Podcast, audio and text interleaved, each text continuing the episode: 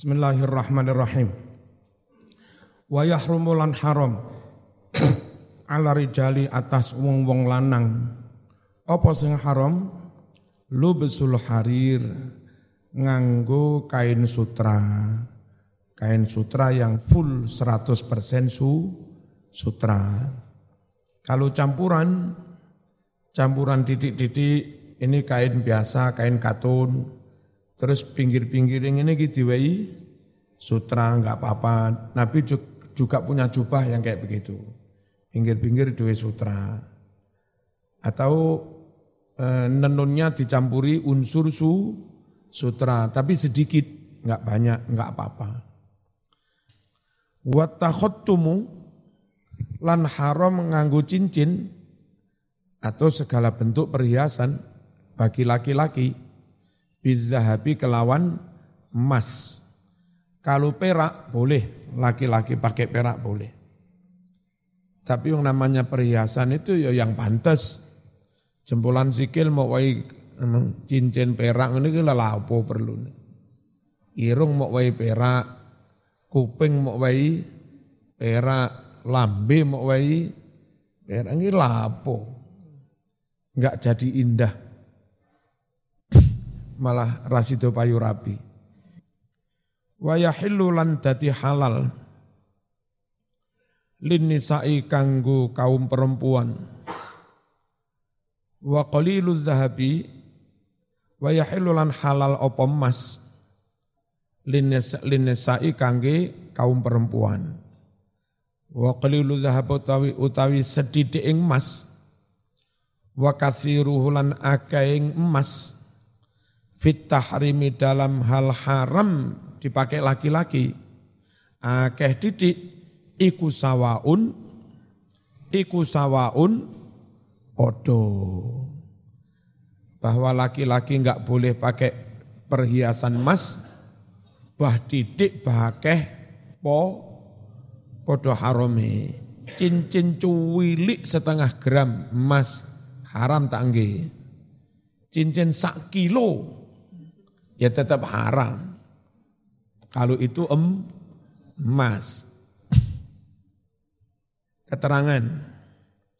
Rawa telah meriwayatkan Sopa al-Bukhari yu Imam Bukhari wa Muslimun dan Imam Muslim an Hudzaifata riwayat dari Hudzaifah radhiyallahu anhu qala Sami'tu Aku mendengar an Nabiya Nabi Muhammad sallallahu alaihi wasallam yaqulu dawuh la talbasul harira walad dibaj.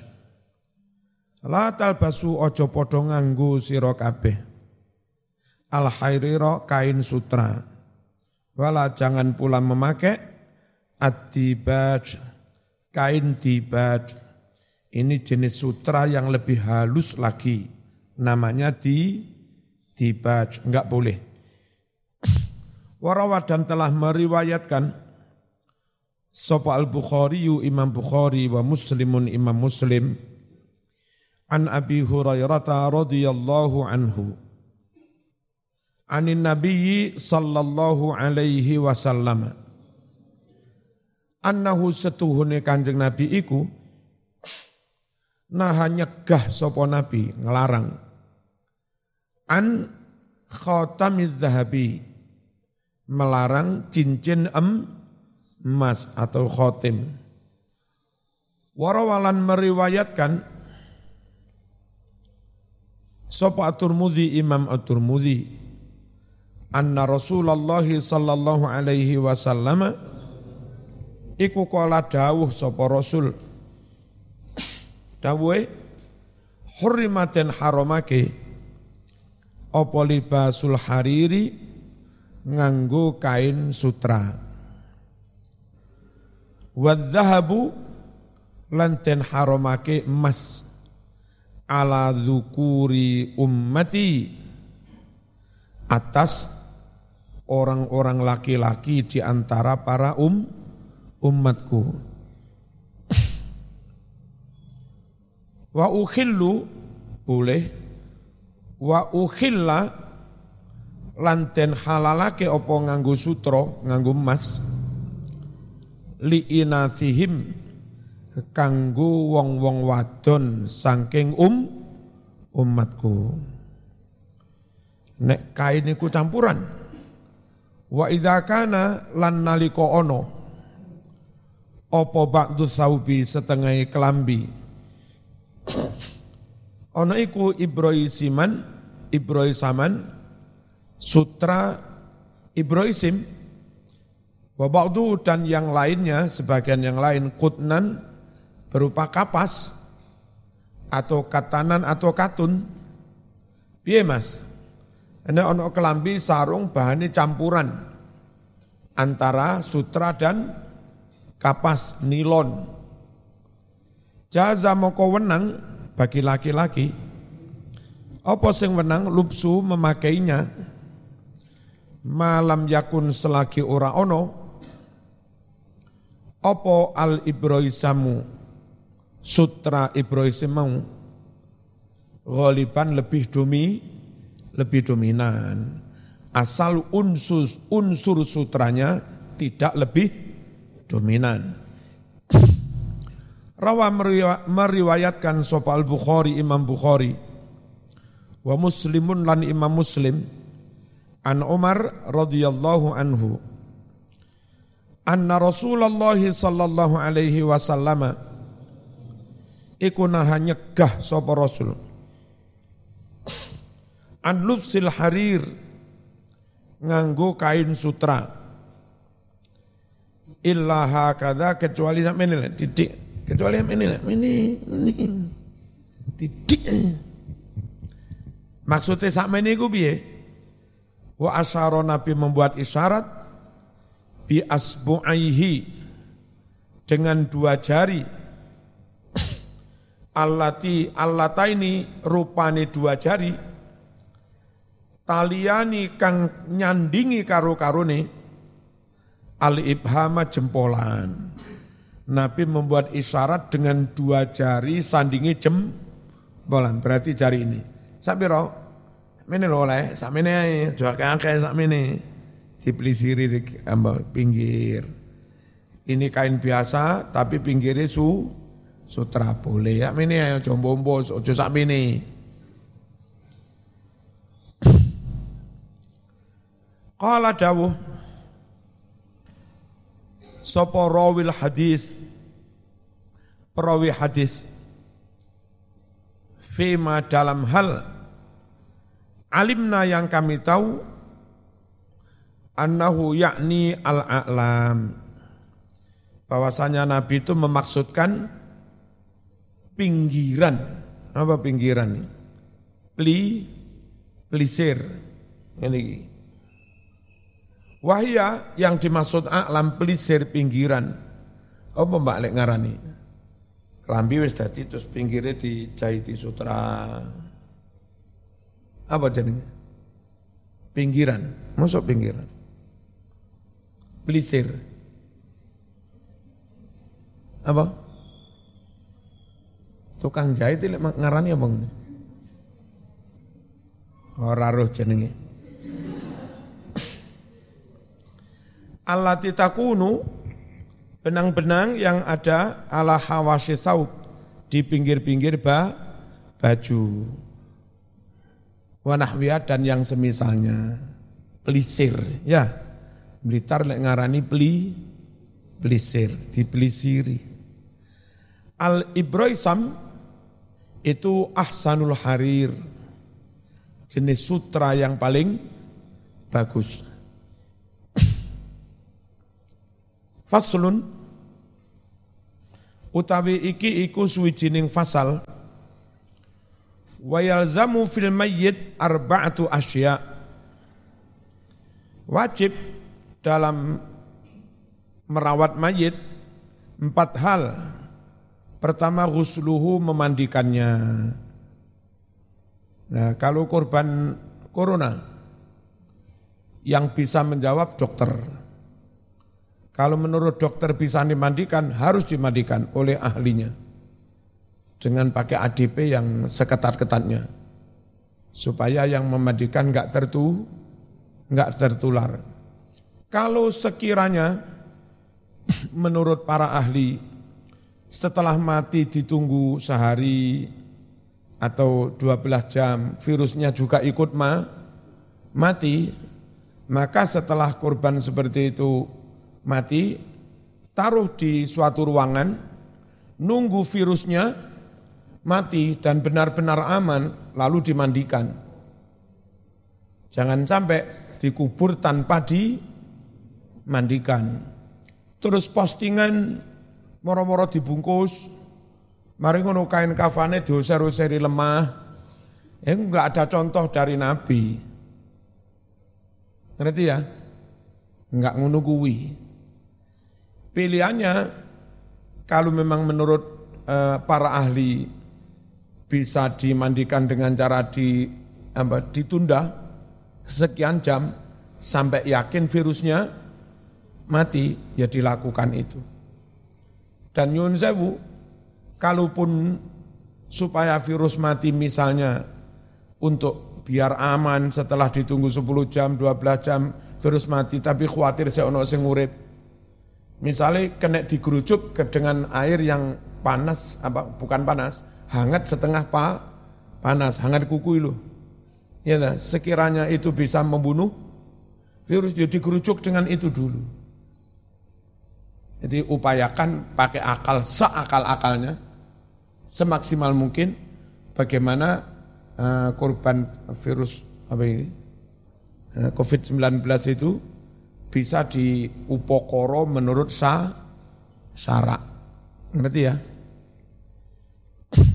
Terus dokter juga mohon dijelaskan pada masyarakat bahwa setelah sekian jam virus mati, dan kalau pemakamannya sekian jam setelah mayit itu orang itu mati, maka makam meskipun makamnya masyarakat yang di situ ada mayit kena virus corona, nggak akan nular ke mayit-mayit yang lain. Nggak akan nular ke orang kampung. Itu mohon dijelaskan biar masyarakat nggak resah. Sebab kalau masyarakat nggak tahu tentang itu, Akhirnya hanya berdasarkan keresahan, kekhawatiran yang belum belum jelas kebe, kebenarannya. Kadang nyun sewu, pantaskah kalau yang wafat itu kiai, lalu sak keluar keluar keluarga pondok menolak jasadnya kiainya. Yang wafat itu ibu saman sendiri, karena khawatir tertular, kamu sebagai anak menolak jasad ibumu dikubur di makam keluarga. Kok ya opo niku? Ya kan? Jadi mohon yang punya keahlian di bidang itu memberi penjelasan sejelas-jelasnya kepada masa masyarakat supaya mayit kena corona ini nggak ditolak oleh masyarakat. Ya kan? Apa dengan ditahan dulu sehari semalam nggak apa-apa sampai virus mati biar mudah mantap mana dikurucuk dengan air rotok pa, panas cara memandikannya itu loh. Ya kan? Nah, sampai benar-benar aman. Terus lebih hati-hati lagi nanti toh apa dimasukkan ke peti. Ya. Nah, peti nyalek khawatir mana? Peti ini saat turungin di mayit sing wis disemprot karo apa? Karo alkohol itu. Ya kan? Jadi kalau sudah ikhtiar maksimal, jangan khawatir berlebihan lagi. Toh itu dilakukan oleh ahlinya. Terus nanti eh, trembelon dikai pres dengan mayit. Jadi apa? Miringnya pres, melumahnya juga pres. Sekiranya dikini-gini nggak ubah-ubah sudah. Nah, kenapa perlu pres? Karena mayat itu pas diteleh melumah. Sementara nanti pas ngubur kudu miring madem kiblat. Perlu nih terbelo iku terbelo dikai pres. Itu andai pas ngubur dikai miring, otomatis lek terbelo miring mayitnya juga otomatis mi miring kak mulak malik begini. Ngerti ya? Jadi langsung diturunkan kotaknya, terbelonya, dikai miring, madep kiblat, dihadani, kok mati terus di ditimbun. Udah. Mohon sekiranya begitu aman, eh, sabarlah semuanya mati sekarang dikubur besok. Nah, gitu. Terus semuanya juga harus jujur. Kalau itu mati-mati biasa, nggak usah di upacara kayak kurban corona. Jadi geger KB. Apalagi terus ujung-ujungnya proyek. Ini kalau atas nama corona, dananya bisa turun sekian. Kalau atas nama hanya diabetes, ono dana. Akhirnya di rekayasa kayak kayak corona. Ruwet mas. Ghusluhu, ghuslu memandikannya. Dan kalau nggak bisa dimandikan, otomatis nggak disolati. Mayit itu kalau nggak bisa dimandikan ya nggak disolati langsung dikubur. Tabrakan hancur-cur badannya mayit, nggak bisa dimandikan. Ya langsung dibungkus, masukkan terbelok, diku, dikubur tanpa disolati. Ya, disolati itu sah asal setelah memandikannya dengan sah. Lalu dikafani secara sah, baru di solati. Wa takfinuhu dan wajib mengkafaninya. Wassalatu alaihi dan juga wajib menso mensolatinya. Wa tafnuhu dan menguburnya. Bahkan Yunus Sewu, kalau mungkin, mungkin kami nggak tahu. Ada ruangan tertentu bukan ruangan freezer raksasa, bukan.